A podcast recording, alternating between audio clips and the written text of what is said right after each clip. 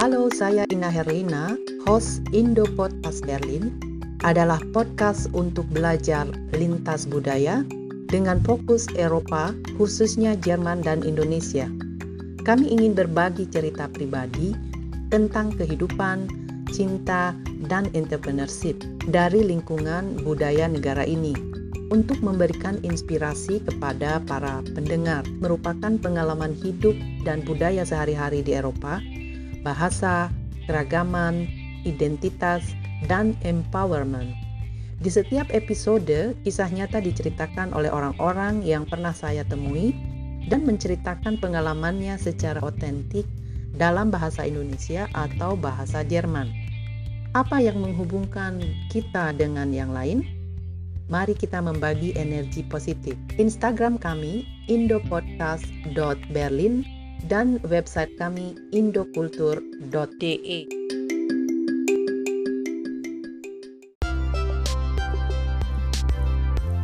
Warum wolltest auf Deutsch? Karena bahasa Indonesia saya kaku. Masa bagus juga kan? Tapi nggak apa-apa. Kann man auch inzwischen so ein bisschen dazu Indonesia. Ja, können wir auch gerne machen. Aber ich weiß gar nicht, also ich habe, mein Business hat nicht so indonesischen Bezug. Aber es geht, dass du auch Indonesien, so hier in Deutschland, ja? Ja, Und du hast auch viel zu tun als Indonesien sozusagen mit Deutsche. Was ist so deine Erfahrung als Indonesien, die hier aufgewachsen, zum Beispiel, ja? darüber kann ich sehr lange erzählen. Genau, das ist doch interessant. Es geht um, du hast auch gelesen, mein Podcast ist auch diese interkulturelles Deutsch-Indonesisch, ne? Ja. Äh, vielen Dank, dass du bereit Interview zu geben in meinem Podcast heute Abend. Ja, seit wann bist du selbstständig eigentlich? Ich bin nicht wirklich selbstständig. Ähm, selbstständig ist ja jemand, der im eigenen Namen und auf äh, eigene Rechnungen äh, wirtschaftet. Ich arbeite hingegen im Namen einer GmbH, also meine Firma, die ich selbst gegründet habe, die German Hemp GmbH. Und da fand die Gründung im letzten Sommer statt. Letztes, ja, letztes Jahr. GmbH, das ist eine große, sag mal so, Unternehmer, Ja, eine Firmen, ja? genau, es ist eine Firma, ja. Und was hast du dich auf diese Idee gebracht, diese Geschäft zu machen? Ich war tatsächlich eine Zeit lang arbeitslos und dann ähm, habe ich einen Freund, den ich kenne, mit dem ich regelmäßig Sport mache, Bouldern, Klettern und er hat gemeint, hey Tauban, ähm, hast du nicht Lust mit mir eine Firma zu gründen oder mit mir was aufzubauen? Ähm, ich habe Kapital und du bist ein cooler Typ, äh, lass uns doch mal gemeinsam was starten. Und daraus entstanden ist eben dieser Online-Geschäft mit äh, 2D-Produkte zu handeln und der Mitgesellschafter, der ist, äh, der kommt aus dem Online-Business, hat das schon jahrelang gemacht und die Idee mit wenig anzufangen und nach und nach alles aufzubauen, ist im Online-Business natürlich sehr reizvoll. Genau. Und ich hatte zwar wenig Kapital, aber ich hatte schon immer diese Idee, hey, ich möchte gerne eine Firma gründen und die so formen, wie ich sie mir vorstelle. Genau. Du hast gesagt, diese Kapital, wie groß ist das Kapital für eine GmbH zu gründen? Bei Gründung sollte mindestens 50 Prozent äh, des Stammkapitals darlegen. Das heißt, ähm, Minimum sind es 5 25.000 Euro und bei der Gründung sollen 12.500 Euro dann da bereitstellen. Also auf dem Bankkonto oder wirklich dann, wenn man da die Gründung macht, dann Notar dann wirklich als Cash bar und dann sagen, hey, ich habe die 12.500 Euro. Ja, warum GmbH? Es gibt auch doch diese Einzelunternehmen. Warum wählst du gerade GmbH? Ähm, warum nicht Einzelunternehmer? Ähm, ich wollte nicht privat haftbar sein und auch nicht privat ähm, in meinem Namen sein. Also das heißt, wenn ich zum Beispiel irgendeinen Mist baue oder ähm, da Schwierigkeiten kommen, dass ich nicht mit meinem Privatvermögen hafte, sondern nur mit dem Teil, den ich mit in die Firma gebracht habe, ähm, hafte. Das war die Überlegung tatsächlich. Ja, welche Produkte genau stellst du her? CBD-Produkte. Kennst du CBD-Produkte, Ina? Nicht genau. Ich habe gelesen Okay. in deiner Website, aber Ja, vielleicht kannst du mal erklären, was genau ist das? Mhm. mhm. CBD-Produkte, CBD ist die Abkürzung von Cannabidiol. Cannabidiol wird aus Hanf hergestellt, aus Cannabis wird es hergestellt. Und zwar ähm, gibt es ja verschiedene Stoffe, die im Cannabis enthalten sind. Ne? Das, was am bekanntesten ist, ist tatsächlich THC, ist das das Mittel, ähm, ja, ein Rauschmittel, THC. Und das ist in Deutschland verboten. Aber es gibt noch ganz andere Inhaltsstoffe, die Cannabis enthalten, unter anderem auch Cannabidiol. Und die haben ganz andere Wirkungen, die sehr fördernd sind. Ne? Und die wiederum sind legal und sind erlaubt ähm, im Handel zu verkaufen. Ähm, warum auch dieses Produkt ich ausgesucht habe, ist auch ein Grund, weil es mich stört oder uns stört, dass in der Gesellschaft Cannabiskonsumenten ähm, stigmatisiert werden. Einfach aufgrund dessen, weil sie denken, ja, das sind doch alles Kiffer, die berauschen sie doch nur. Aber es ist unbeachtet dessen, dass Cannabis ja eigentlich eine uralte Heilpflanze ist, äh, die gegen Schmerz, Schmerzen hilft, Entspannung und ähm, auch viele Krankheiten lindern kann, ja. Symptome lindern kann. Wenn du zum Beispiel schlecht schlafen kannst, kannst du zum Beispiel CBD-Öl nehmen. Oder ähm, wenn du Muskelkater hast. Das ist der Grund, warum ich CBD-Öl tatsächlich nehme, weil ich relativ viel Sport mache und mit, mit CBD-Öl habe ich dann wenig Muskelkater. Genau, so viel dazu. Du hast drei Produkte, habe ich gesehen. Mhm.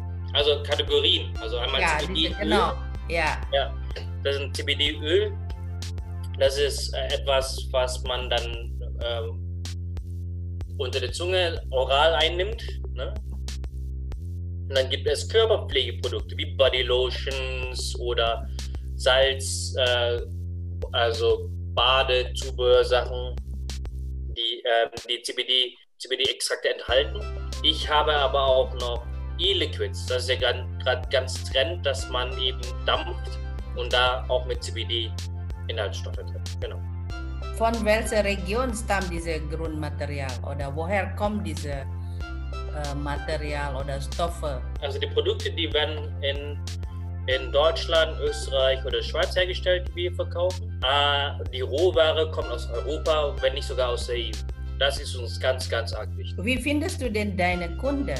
Ähm, wir haben diverse Marketingkanäle, vor allem Online-Marketingkanäle ähm, laufen. Also einmal Preisvergleiche, einmal Affiliates, einmal Gutscheine, Gutscheinportale, äh, ganz viele. Aber wir haben auch mal äh, tatsächlich Flyer ausgedruckt ne? und die dann in Café, da sind wir einen Tag lang durch Prenzlauer Berg gelaufen und haben in Cafés ausgestellt und auch Sticker.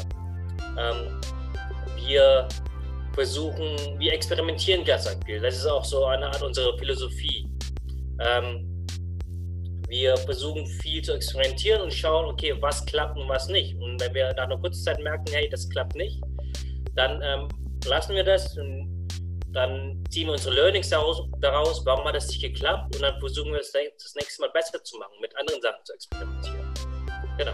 Ja, und was ist das nochmal, deine Philosophie in einem Satz sozusagen oder in... Wir wollen so ein bisschen von diesen klassischen Unternehmensorganisationen weg. Also das heißt, Profit ist uns nicht so wichtig wie, wie die Bestimmung, der Purpose. Ja?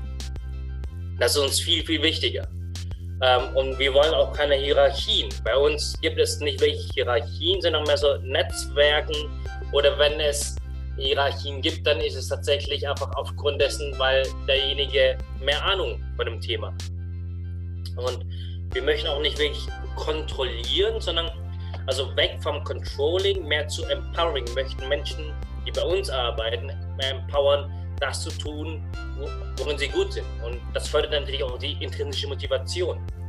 Und auch nochmal hier weg vom genau alles planen von Anfang an, sondern mehr zu ähm, Experimente und auch nicht wirklich so diese Ellenbogenmentalität innerhalb des Unternehmens oder dieses Privacy auch weg davon, sondern mehr zu, zu Transparenz und, und sagen, okay, das sind wir. Und das versuchen wir nicht nur intern darzustellen, sondern wir versuchen das auch extern darzustellen. Ein ganz gutes Beispiel ist zum Beispiel ähm, für die Transparenz. Für die meisten unserer Produkte hast du tatsächlich so äh, ein, kannst du Laborberichte downloaden oder genau oder Biozertifikate. Kannst du direkt runterladen und dann schauen, okay, hey, das ist von einem Drittlabor und, da, und das sind genau die Stoffe drin. Das ist uns ganz, ganz wichtig. Ja, wie viele Personen ist das in ein Team in deiner GmbH?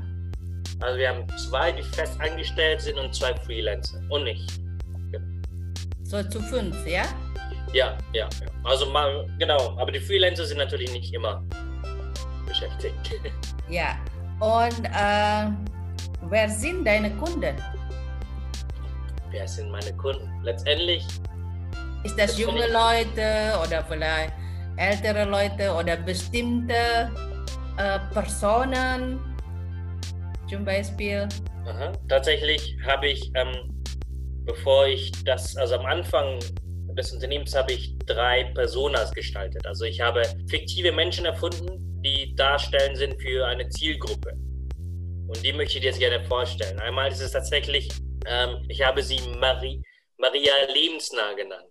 Ähm, Maria Lebensnah ist 35, lebt in Prenzlauer Berg, hat zwei Kinder und ähm, sie hat zum Beispiel Schmerzen, wenn sie Menstruation hat. Ja? Und sie möchte wegkommen von diesem Schmerzmittel regelmäßig zu nehmen und versucht deswegen CBD-Öl.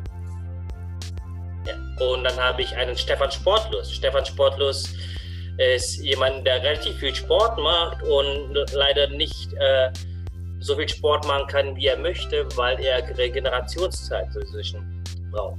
Und deswegen versucht er CBD-Öl. Und dann habe ich einen Johann Gedankenkarussell. Johann Gedankenkarussell ist Informatiker, so ein bisschen Loner-mäßig und er kann schlecht einschlafen äh, und er versucht CBD-Öl zum Beispiel, um besser einschlafen zu können. Und, und all diese drei Personas, die bewegen sich in verschiedenen Welten und auf die muss ich dann zugreifen. Deswegen auch die Idee mit diesen Flyern. Eine Maria Lebensnah glaube ich nicht, dass sie irgendwelche ähm, Online-Marketing-Kanäle besucht, sondern sie geht mit ihren Kindern zum Beispiel in einem Mutter-Kind-Café und dann sieht sie, oh, da ist ja ein Flyer. Vor allem über, über German Hemp, über Menstruationsbeschwerden. Und dann, ja, so schnappen wir. Ja, ich habe auch gelesen in deiner Website, dass steht auch Heilmittel, ja? Ist das so ein so Art eine Bio oder wie ist das zusammenhängt mit Heilkräuter oder so ähnliche, ja?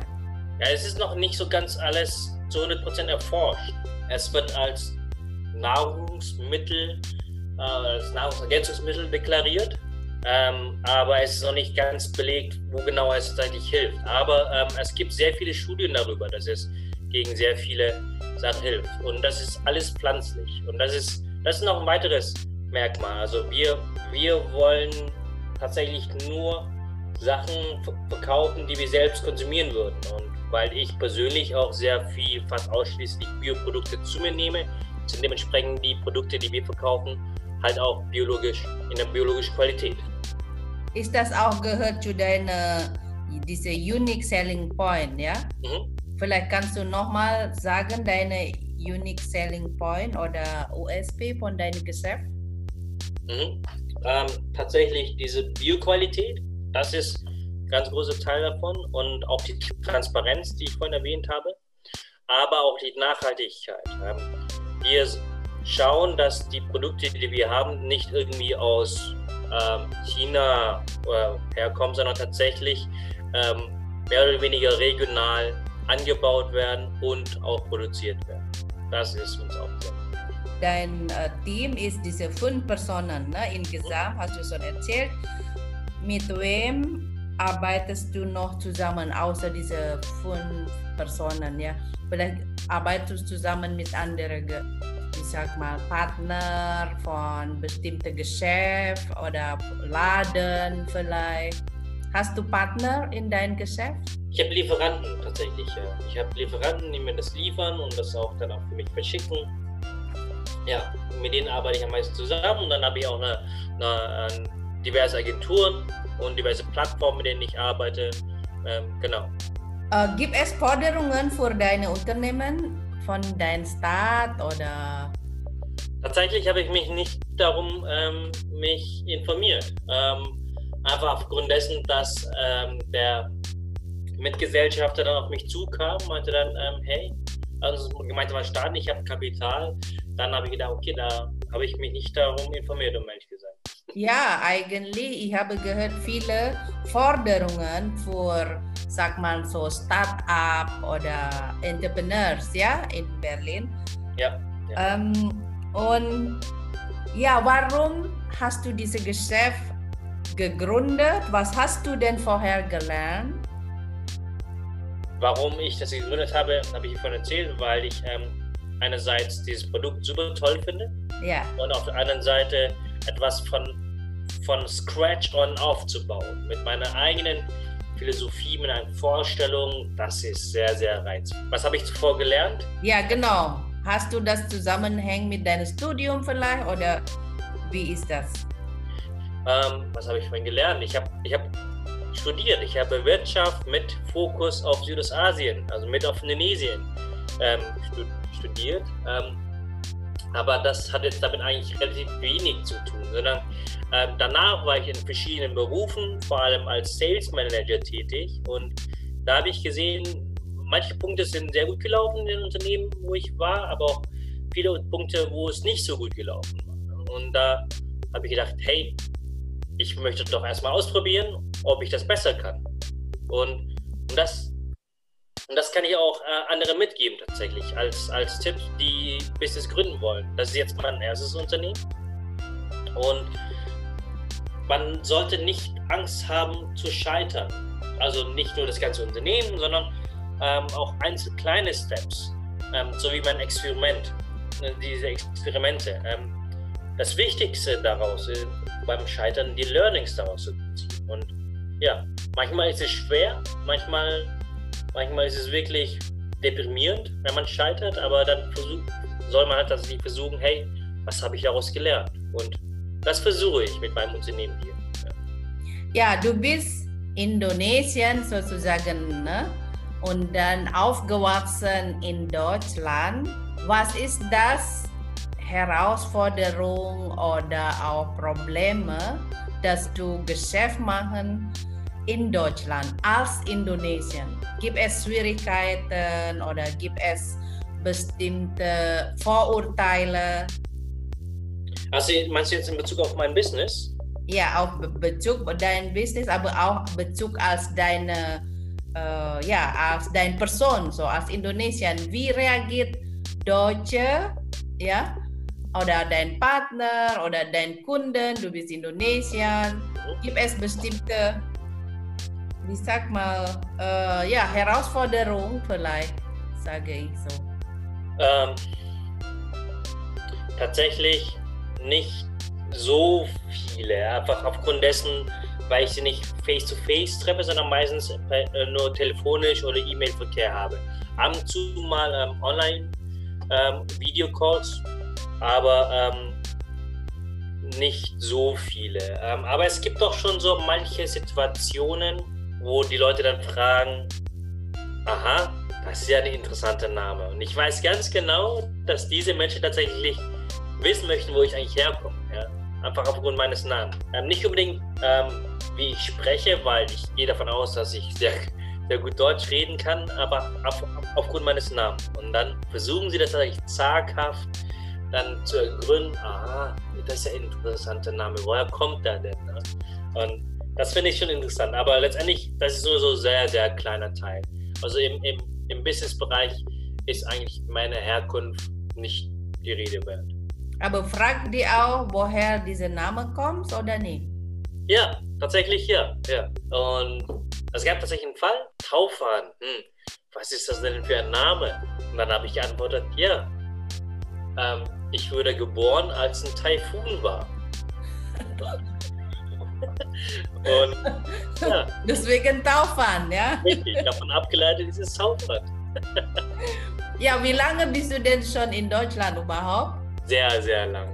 Also ich bin mit neun äh, nach Deutschland gekommen und jetzt bin ich 32. Und wie ist das so als Indonesian leben in Deutschland? Äh, ich meine nicht nur zusammenhängt mit diesem Geschäft, ja, aber als Indonesian sozusagen in Deutschland leben. Hast du bestimmte Erfahrungen, lustige Sachen oder diese interkulturelles Deutsch-Indonesisch vielleicht? Kannst du erzählen? Ja, kann ich, kann ich sehr gut erzählen, wie es ist halt ähm, halb Deutsch, halb Indonesier äh, in Deutschland aufzuwachsen. Ähm, ich glaube, man kann sich sehr leicht verlieren. Ich glaube, man, man kann, oder ich habe mir auch oft die Frage gestellt, hey, ähm, bin ich Deutsch oder bin ich Indonesier? Die Art, wie ich denke, die bestimmte Eigenschaften, die kann ich schon eher Deutsch oder Indonesisch aneignen. Ähm, und ich glaube, man kann sich schon wirklich sehr verlieren in der, dieser Identitätsfrage. Aber ich habe für mich beschlossen, ich bin nicht Deutsch und ich bin auch nicht Indonesier. Ich bin wirklich halb-halb.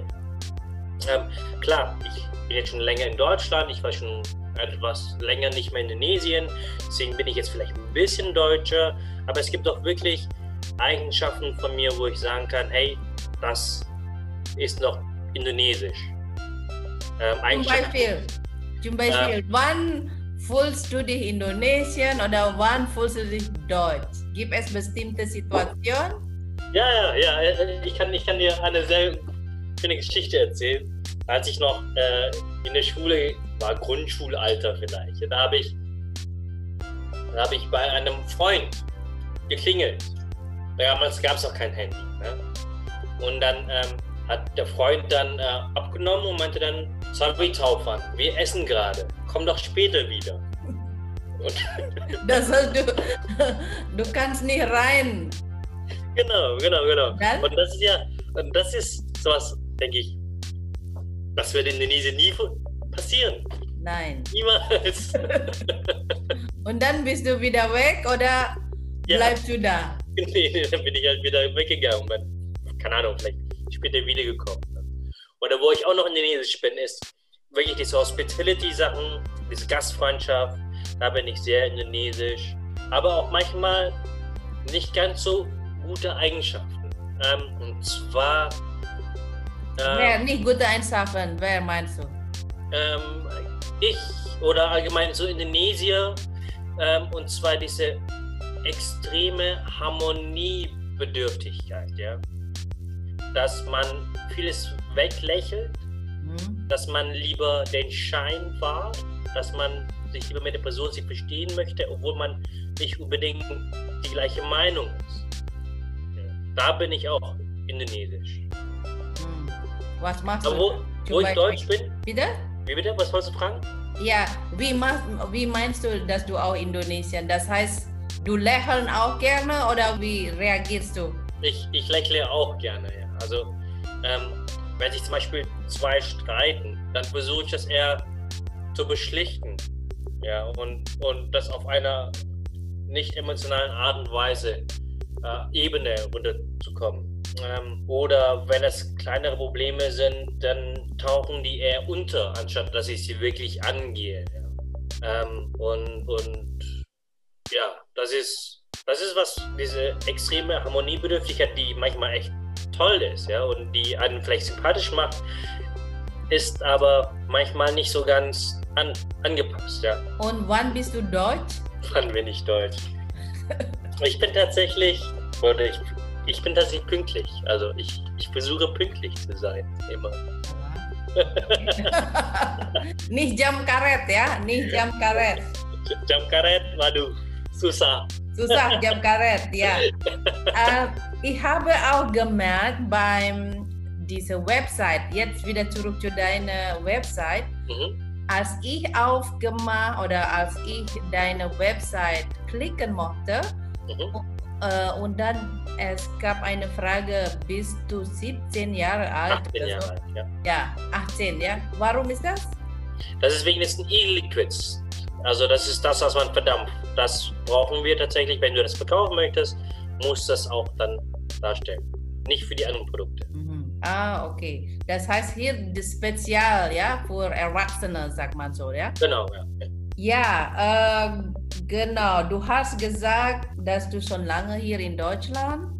mhm. und auch zur Schule, ja, von Grundschule, oder? Ja. Und hast du geplant irgendwann in Indonesia zu arbeiten oder ja, leben vielleicht? Gibt es so einen Plan bei dir oder du bleibst in Deutschland, weil vielleicht für Deutschland ist, äh, ich sag mal, ja, für dich passen oder keine Ahnung. Hast du das irgendwann überlegt, vielleicht dein Plan für dein Geschäft oder für dein Zukunftsleben? Tatsächlich ja, tatsächlich.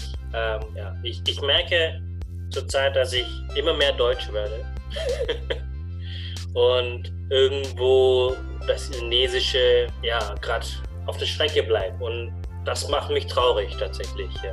Ähm, denn irgendwo masih ada tanah air ya. Hast du zwei Tanah Air, ja? Ich habe zwei Tanah Air, ja. Und, und ich habe vor, wieder zurück nach Indonesien zu gehen. Ich habe vor, dort wieder zu leben und zu arbeiten, aber ich kann mir nicht vorstellen, dort für immer zu leben. Ich kann mir auch nicht vorstellen, für immer in Deutschland zu bleiben. Ich kann mir gerade nirgendwo vor vorstellen, irgendwo für immer zu leben. Ich bin gerade in einem Alter oder in einer Periode äh, meines Lebens, wo ich noch sehr viel ausprobieren möchte. Genau. Du hast noch keine, wie sagt man, End Entscheidung sozusagen, ne? Du machst genau. immer hin und her noch vielleicht, ja? Genau, genau. Ich habe noch keine finale Entscheidung und zum Glück habe ich auch eine Partnerin gefunden, die äh, mit mir das tatsächlich teilt, auch diesen Gedanken zurück nach Indonesien zu gehen, die auch Indonesisch kann. Und ja, darauf freue ich mich schon. Aber das wird wahrscheinlich in den nächsten Jahren so passieren. Also sie mochte auch nach Indonesien, ja? Ja, tatsächlich ja. ja. Ah, ja, das ist gut. Wenn beide so die gleiche Plan, ya? Ja. Bagus. Ya. Ya, ya terima kasih. bisa dia lancar ngomong bahasa Indonesia juga. Dia pintar. Ya bagus lah dia di sana jadi gampang juga komunikasi atau mungkin nanti cari kerja ya. Iya, iya. Dia sudah pernah hidup juga di sana. Setengah tahun dia sudah pernah hidup di Jogja. Oh ya bisa lah, udah tahu lah, sudah kenal ya? Iya, sudah kenal. Oh, jadi kamu mau di mana tuh? Tinggal di Indonesia nanti. mau ke mana? Jakarta atau Jogja? Saya kan juga tahun 2012 juga um, tinggal setengah tahun di Jakarta. Bukan setengah tahun ya setengah tahun di Jakarta setengah tahun di Jogja. Gimana ya? Jakarta tuh bener-bener aduh terlalu crowded terlalu banyak orang. Terlalu ramai ya? Iya terlalu ramai und auch die Infrastruktur. Ah macet terus ja. Aber ja Jogja hat mir schon sehr gut gefallen. Aber ich kann mir auch vorstellen, woanders auch zu leben. Also ich bin in Indonesien sehr viel gereist und ja, woher kommst du? Eigentlich? Saya aslinya dari saya lahir di Tarakan itu di Kalimantan Timur atau sekarang Kalimantan Utara. Iya. Kamu mau tinggal di Kalimantan? Susah juga. Baru susah. Panas. ja, in Indonesia ist fast alles nein, nein, nein, überall panas. Ähm, ich weiß auch nicht. Ähm, vielleicht Kalimantan, ähm, aber vielleicht auch ganz woanders. Ich habe sehr viele schöne Inseln gesehen. Ich habe eine sehr große Reise gemacht in Indonesien von Java bis nach Papua. Und ja, und vielleicht zieht es mich da irgendwo auch in der Nähe hin. Ya, terima kasih banyak Tovan interviewnya. Mm-hmm. Sukses dengan bisnisnya. Mm-hmm. Dan sampai ketemu lagi ya. Uh, salam buat Marisa ya. Werde ich machen. Terima kasih banyak. Bis dann. Tschüss. Tschüss.